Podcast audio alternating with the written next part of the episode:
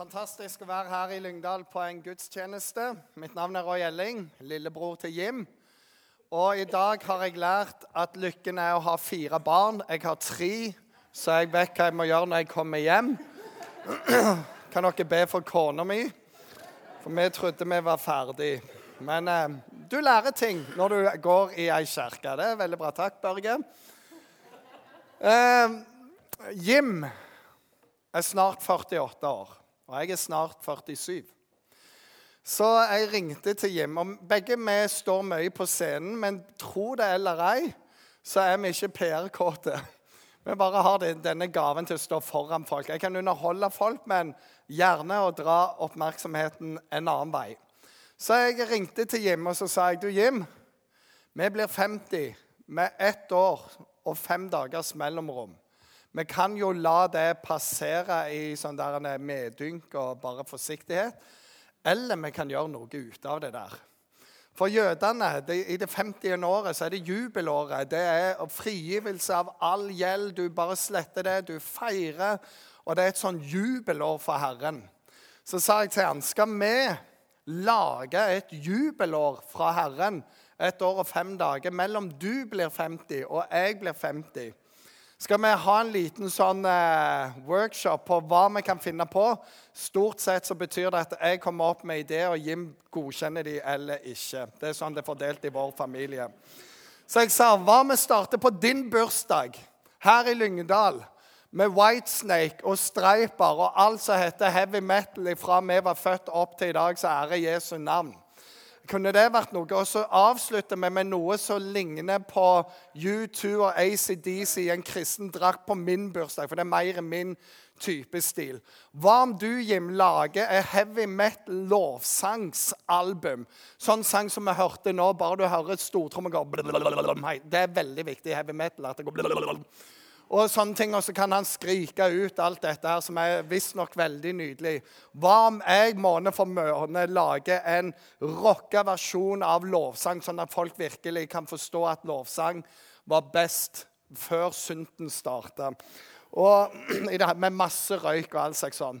Og så begynte vi, og så var det det ene og det andre. Og, og, det blir jo bare verre og verre, disse forslagene. Det er typisk meg.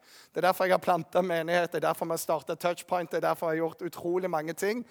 Jeg har lagt, I hele nabolaget vårt så er det i ferd med å bli Alt er bare en frukthage. For at jeg spurte kan vi få lov å gjøre det, og så fikk jeg støtte til det. Så jeg har stått og gravd i et halvt års tid. Så Foreløpig så har vi litt over 20 frukttrær, en haug med fruktbusker, noe rabarbra og litt andre ting. Neste steg der er at jeg skal sette opp fem-seks honningkuber. Og så skal vi ha eh, På alle lekeplasser skal jeg gjøre om til urtehage, så hele nabolaget skal være med. Typisk mitt liv. Så gleder dere til Jim blir 50, og det er året mellom til jeg blir 50 der. En av de tingene som jeg begynte å snakke om Jim er en idrettsmann, men han har aldri sittet på en sykkel. Jeg tror ikke han vet hva en sykkel er. Til mitt forsvar så sykler jeg ti mil i året. Så jeg sa til ham hva om vi sykler fra Nordkapp til Lindesnes, da? Og han var på elsykkel. du vet at et av Guds navn er Elohim, så det er veldig viktig å være knytta på el. Det er derfor det er Israel, landet til Gud.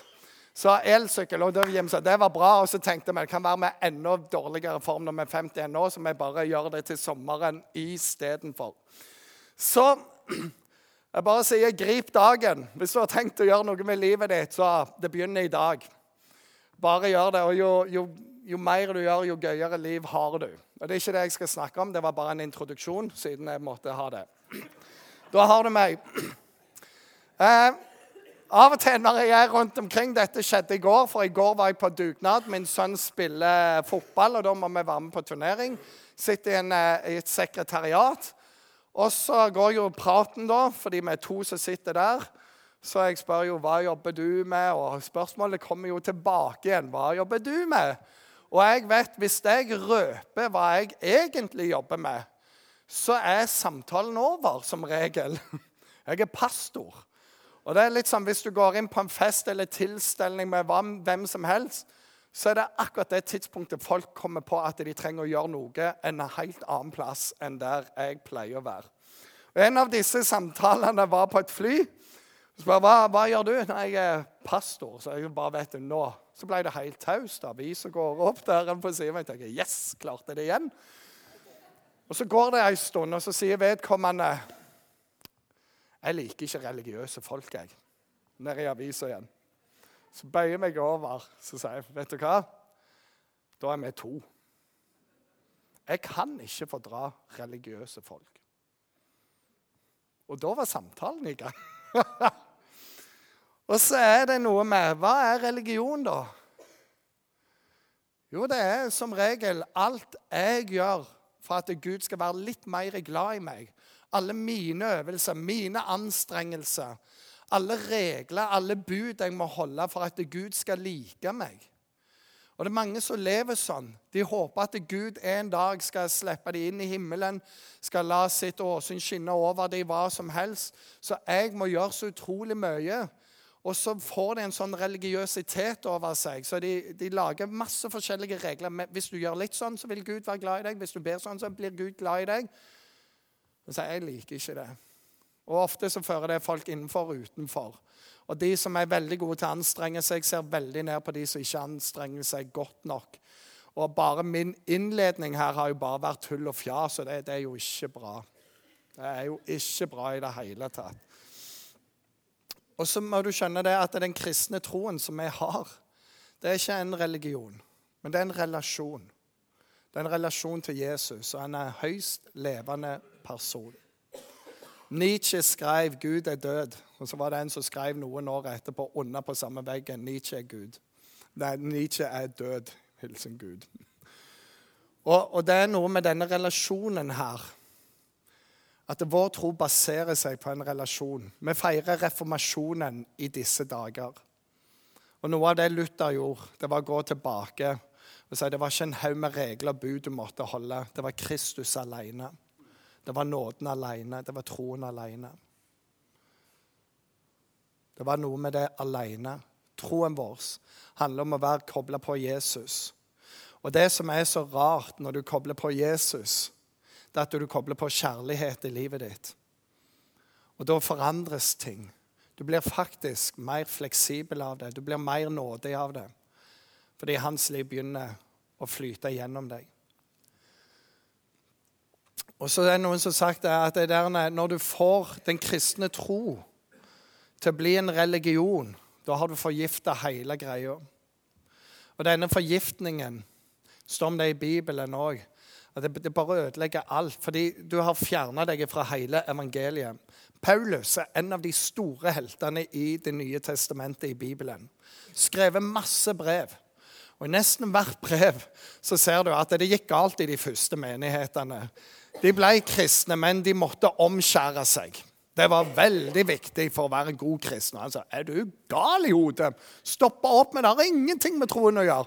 De måtte spise rett mat, og de måtte holde seg vekke fra Hva er det dere feiler dere? Jesus erklærte all mat er ren. Og Peter han fikk en duk sendt ned fra himmelen flere ganger. Han sa, nei, nei, jeg kan ikke spise, jeg er jo rettroende.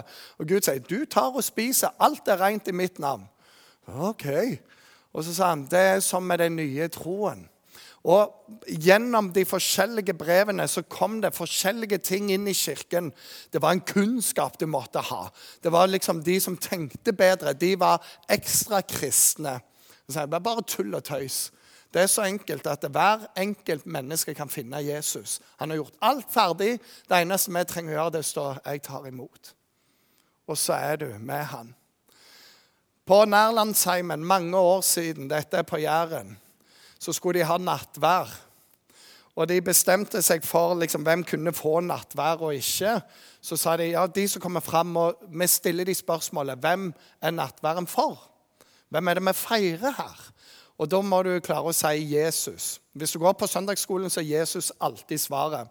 Selv om det er hva er det som har fire bein, en hale, spiser nøtt og hopper fra tre til tre, svaret er Jesus uansett. Ærende.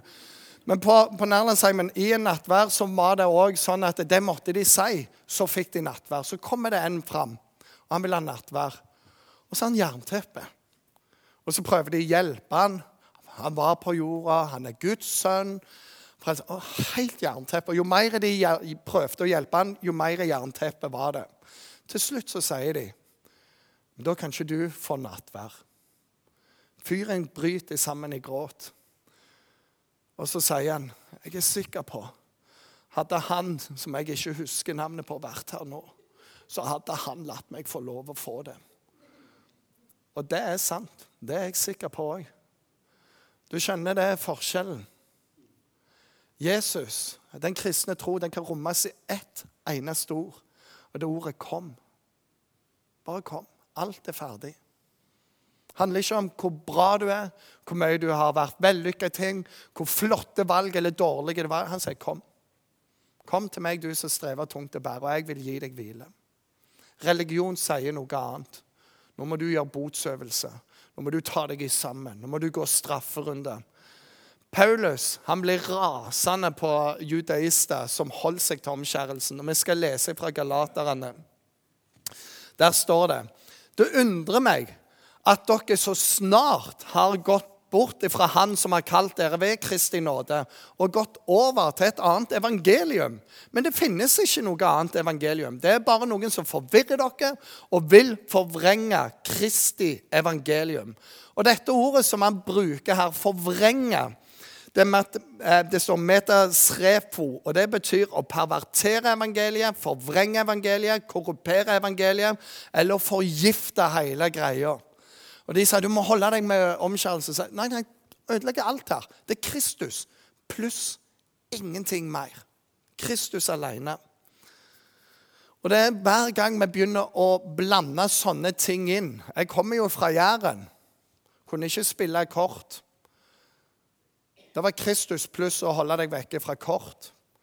Kristus pluss å ha søndagsklær på seg. Kristus pluss å ha runde briller, for det hadde alle kristne gutter en stund. Og det har vært Kristus pluss og utrolig mange ting. Og så sier Paul det forvrenger evangeliet. Det er et annet evangelium, men det fins ikke et annet evangelium. Så hva er det som da skjer når vi lar troen vår bli en religion? Hva er det? Den første tingen det er at vi begynner å fokusere på det ytre istedenfor på det indre. I dag ble det fortalt at jeg er veldig tynn. Men det ble ikke fortalt at jeg er veldig sunn. Jeg bare tuller. Jeg bare tull. Fins ikke. Jeg pleier å kalles den forspiste predikant, så jeg er bare Herrens nåde at jeg er tynn. Men det står dette i Matteus 23, 25. Ved dere, fariseere og skriftlærere, dere hyklere. Dere gjør beger og fat rene på utsida, men innvendig så er dere fulle av griskhet og grenseløst begjær. De gikk rundt omkring og hadde bønnedusker. De gikk rundt omkring og likte å stille seg fram og be offentlige bønner. og Det ene og det andre påpekte hvordan folk levde, og hvordan de ikke burde leve.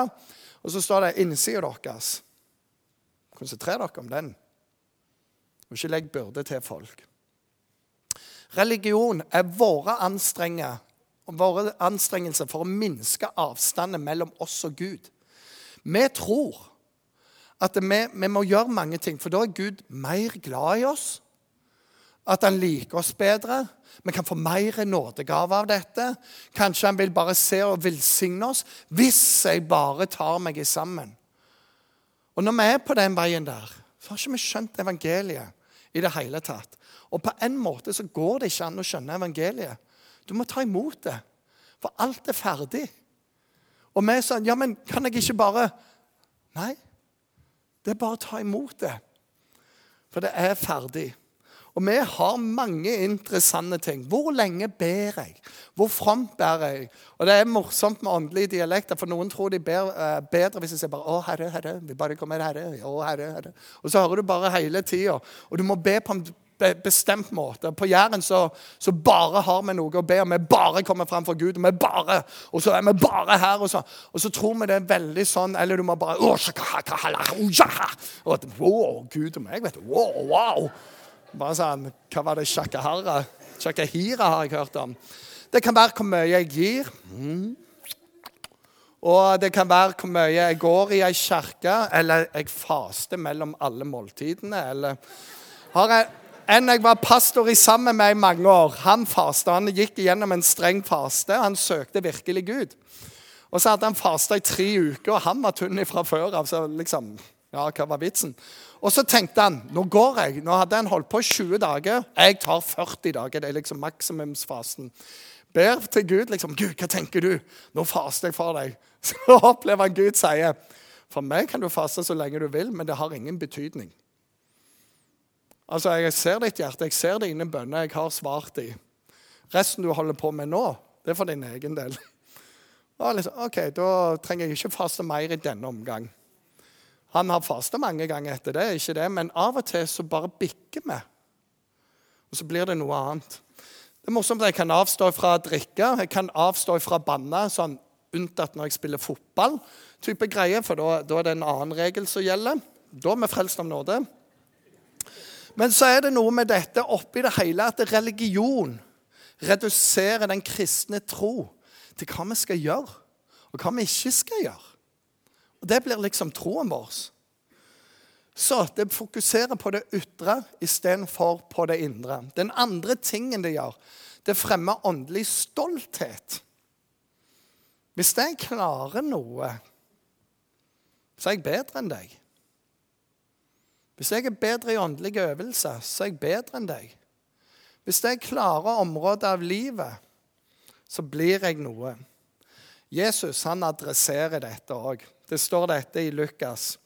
Til noen som stolte på seg sjøl, stolte på at de var rettferdige, og de så ned på andre, fortalte Jesus denne lignelsen.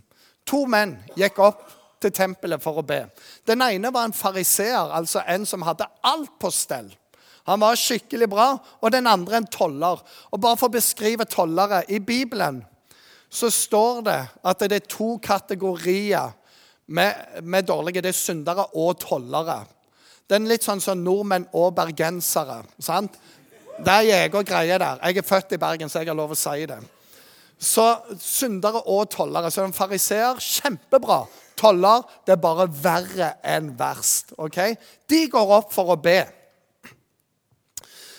Fariseeren stiller seg opp for seg sjøl, vekk fra en andre, og så ber han sånn Gud, jeg takker deg for at jeg ikke er sånn som andre mennesker.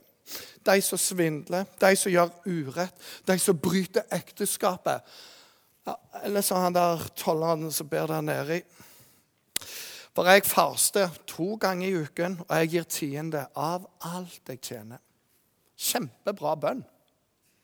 Fantastisk. Og her er greia. tenker jeg har rett, du har feil. Jeg lever rett, du lever feil. Og Det er utrolig enkelt å finne ditt, for jeg, det er bare å se på mitt liv. Og det er noe med dette som er gledesløst, kynisk. Folk er superkritiske og dømmer folk. Og til og med kristne kan fort havne der. Hvis du har gjort store offer, du har tatt store valg, så må du passe deg for at du ikke havner der. For nærheten til Jesus, relasjonen til Jesus, handler at du får mer kjærlighet for mennesket. Men dine anstrengelser gjør deg mer kynisk og dømmende. Står dette i Romerne kapittel 3. For ikke noe menneske blir rettferdig for Gud på grunn av gjerningene som loven krever. Ved loven lærer vi synden å kjenne. Men nå er Guds rettferdighet, som loven og profetene vitner om, blitt åpenbart uavhengig av loven. Det er Guds rettferdighet som gis ved troen på Jesus Kristus til alle som tror. Bare gis. Og Det er tre ting i denne teksten som vi ta veldig fort. Det ene er du kan ikke gjøre deg fortjent til Guds aksept ved å studere loven, dvs. Si finne ut hva som er rett og galt, og prøve å leve der. Religion sier at du kan please Gud med det du gjør at dine gjerninger får Gud til å akseptere deg. Hvis du går i ei kirke, hvis du er en god person, hvis du holder deg vekk fra sånne XXX-filmer, hvis du gir penger, hvis du er litt karismatisk på de rette tidspunktene, hvis du ber mange nok bønner, hvis du går litt med sånn fordreid ansikt på en eller annen måte, hvis du har runde briller eller noe sånn der Se, ingenting hjelper. Du kan ikke gjøre deg fortjent med det. For ikke noe menneske blir rettferdig for Gud pga. de gjerninger som loven sier. Faktisk er det sånn, og dette kommer i punkt to, at hensikten med hele loven er å vise oss vi trenger en frelser. Det står hva hjelper det om du har holdt alle budene, men du bommer på det ene?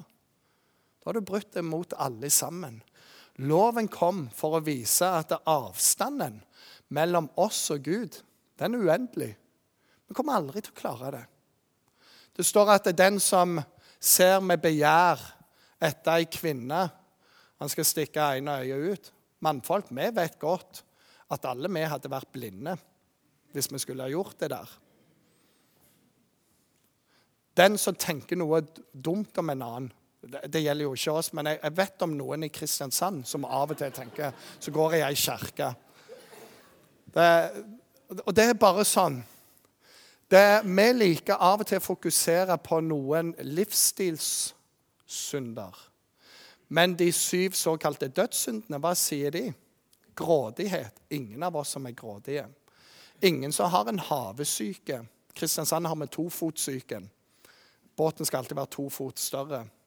Vi har havesyke på så mange ting. Misunnelse. Ingen av oss misunner noen noe noen gang. Eller gjør vi det? Hva med grådighet? Det bare kommer. Og hver eneste av disse den treffer i hvert fall meg veldig godt der. Loven viser at vi trenger en frelser. For han er meint å si hva skal jeg gjøre? Og da så kommer den tredje tingen. Rettferdighet overfor Gud kommer ved tro på Jesus Kristus alene. Men jeg elendige menneske, hva skal jeg gjøre? Så sa alt er ferdig, kom. Det er relasjon. Det er å ta imot. Det er ikke hva du må gjøre, det er hva som er gjort for deg. En god kamerat, Jan Honningdal, han er lovsangsleder. Han pleier av og til å si dette bildet. Jeg har med gitaren min, og den spiller jeg på hele tida. Pris han Jesus. Og veit du hva? Det å bli en kristen, det å være i Kristus, det er nett som denne gitaren jeg legger ned i gitarkassa. Kan du se gitaren nå? Ja, se nå. Legg den ned i kassa, tar om. Kan du se? Nei. Hvorfor? For han er skjult i gitarkassa. ikke sant? Sånn er det med ditt liv. Du er skjult i Kristus. Du er i gitarkassa. Skjønner du den? Så tar han der, Ja, Jan. Vi tok den. Skal gi deg et annet bilde som er mer mitt type bilde. Det er en del som er bra politifolk. De fleste er det. Og av og til er det noen som ikke er fullt så bra.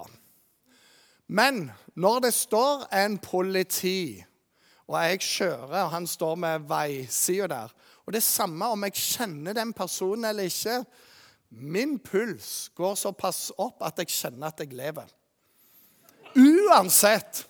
For det står en politi der, og jeg sjekker alt. Har jeg kjørt bare sånn som en evangelist har lov å kjøre? Har jeg alle ting, alle ting på her? Og så ingen av dere andre får dette problemet. Jeg er og hver gang så, så bare, Er det mulig så la dette begeret gå meg forbi? Så jeg bare så bare, Og så tenker jeg og, og, det, og, det, kan være at han heter Ante eller noe sånn, og han er en dust. Men det betyr ingenting, for han er politi. Han er i uniformen sin. Og han kan gjøre hva han vil. Han kan vinke meg inn. Og jeg bare, ok. Men hvis han har av uniformen og står på sida og vinker Aldri i livet har jeg våget å stanse foran.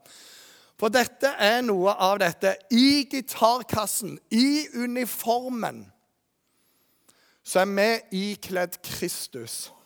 Og det er derfor det står der Kristus pluss ingenting. Kristus pluss ingenting.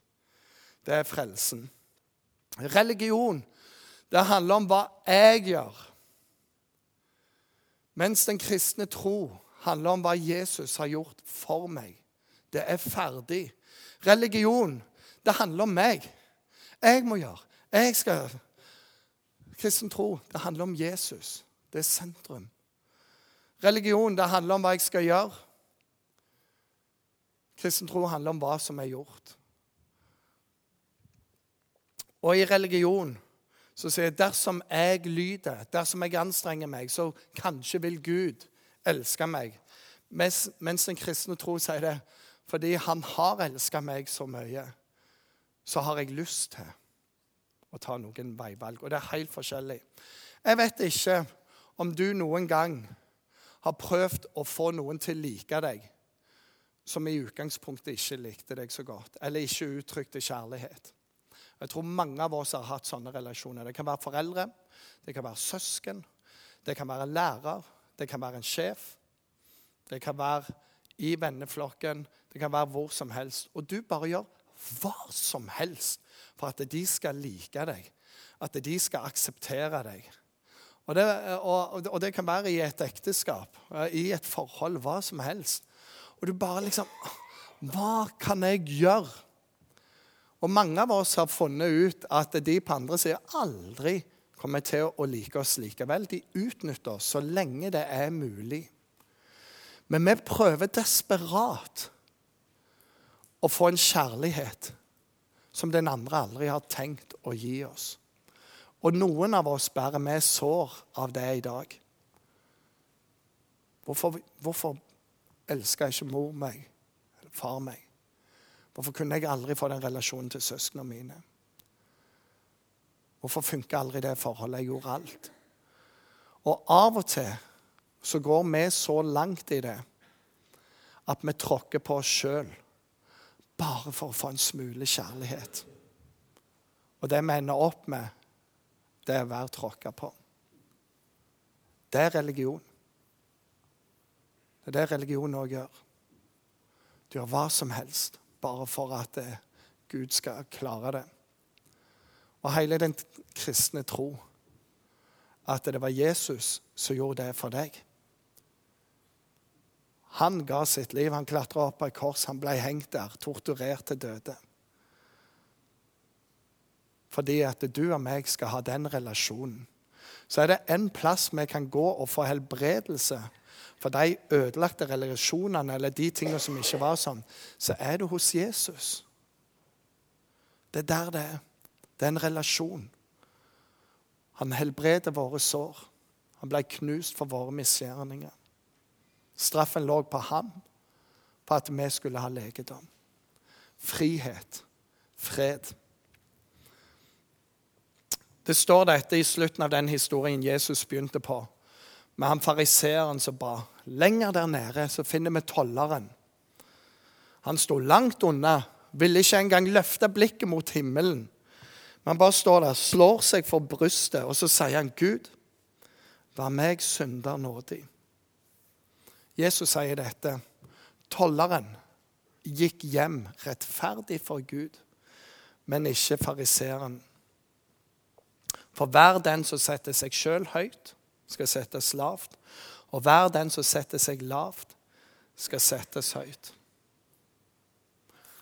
Jeg skal avslutte med denne historien.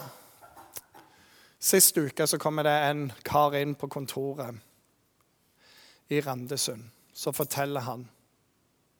Han kom til Norge når han var tolv år. Og det vært han og mora hele livet, for faren forsvant når han var en måned gammel. Mora har gjort hva hun kunne for å forsørge han, hvilket har betydd at de har flytta og flytta rundt der hun fant arbeid. Og hun har vært involvert i så mange dårlige relasjoner. Hun fant aldri en god en. Og Han sier jeg er glad i min mor, jeg vet hun har gjort det beste, men livet har ikke vært enkelt. Ingen gode relasjoner, ingen varige relasjoner, bare flyktet hvor enn han kom. Han hadde et rop i seg, en hunger i seg, etter noe dypere, etter noe som kunne vare, etter røtter. Det gjorde at han begynte å søke en New Age. Det funka ikke. Spør, prøver han videre i spiritisme, satanisme. Røyke marihuana, for det hjelper veldig på å åpne det rommet der, sier han. Og etter hvert så ble det bare så tungt. Han flytta sammen i kollektiv sammen med en annen som òg var spirituell. Og så sier han dette hans ord. Når jeg skulle legge meg og sove, så kunne jeg ikke sove, for det var som en demon var i rommet og holdt meg våken. Så jeg klarte å sove litt på dagtid, men ingenting ellers. Blir sykemeldt. Fungerer ikke i det hele tatt.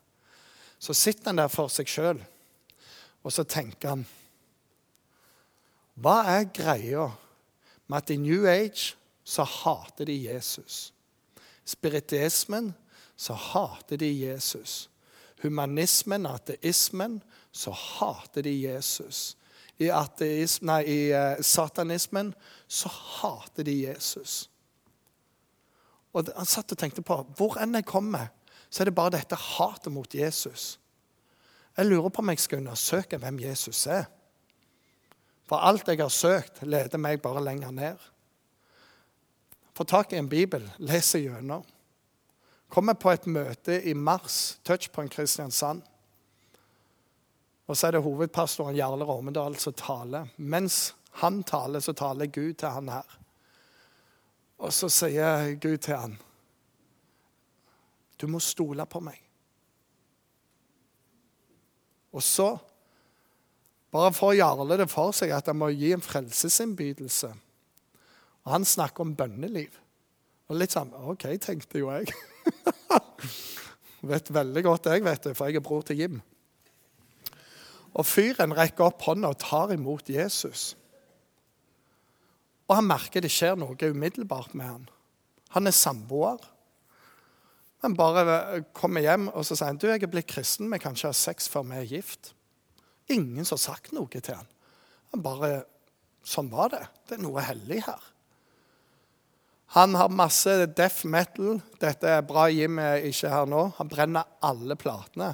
Han sier andre kan ha det, men for meg er det kun i den retningen. Det er sånn jeg har brukt det hele livet brenner broene til det gamle livet.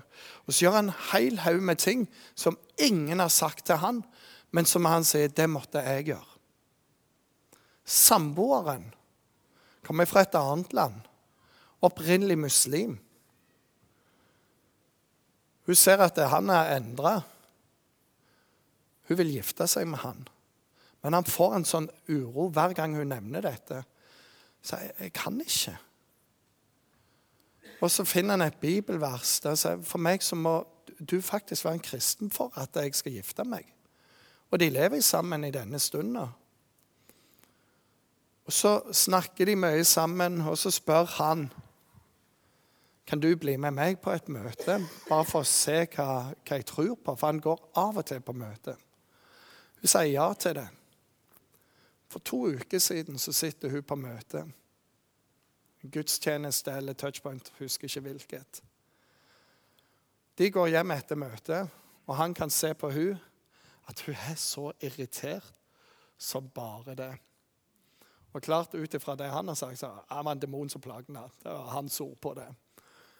Hun, hun freste over alt. Samme hva han sa.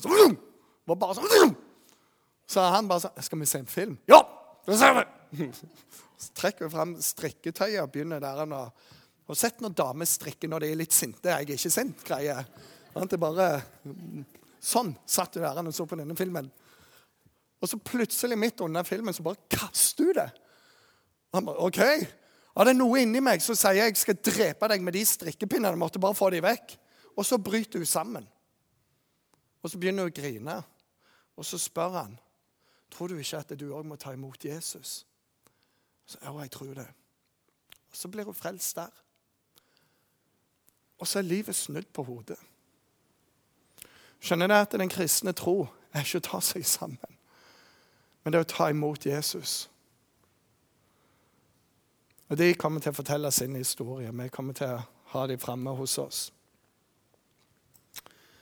Så la det aldri bli en religion, men kom alltid tilbake til relasjonen med Jesus skal vi be sammen. Herre Jesus, jeg takker deg for at eh, troen er ikke en religion, men det er virkelig en relasjon. Det er en relasjon til deg. Vi vet at når vi gransker våre liv, så er det ganske mye galt der. Men vi kommer ikke nærmere deg med å ta oss sammen men du har gjort alt ferdig for oss, så vi kan komme helt til deg og ta imot. Så er det noe med denne kjærligheten du gir oss, som fører til et indre ønske om å leve sånn som du levde. Om å elske sånn som du elsker. Om å glede deg med våre valg. Akkurat som han som jeg nevnte.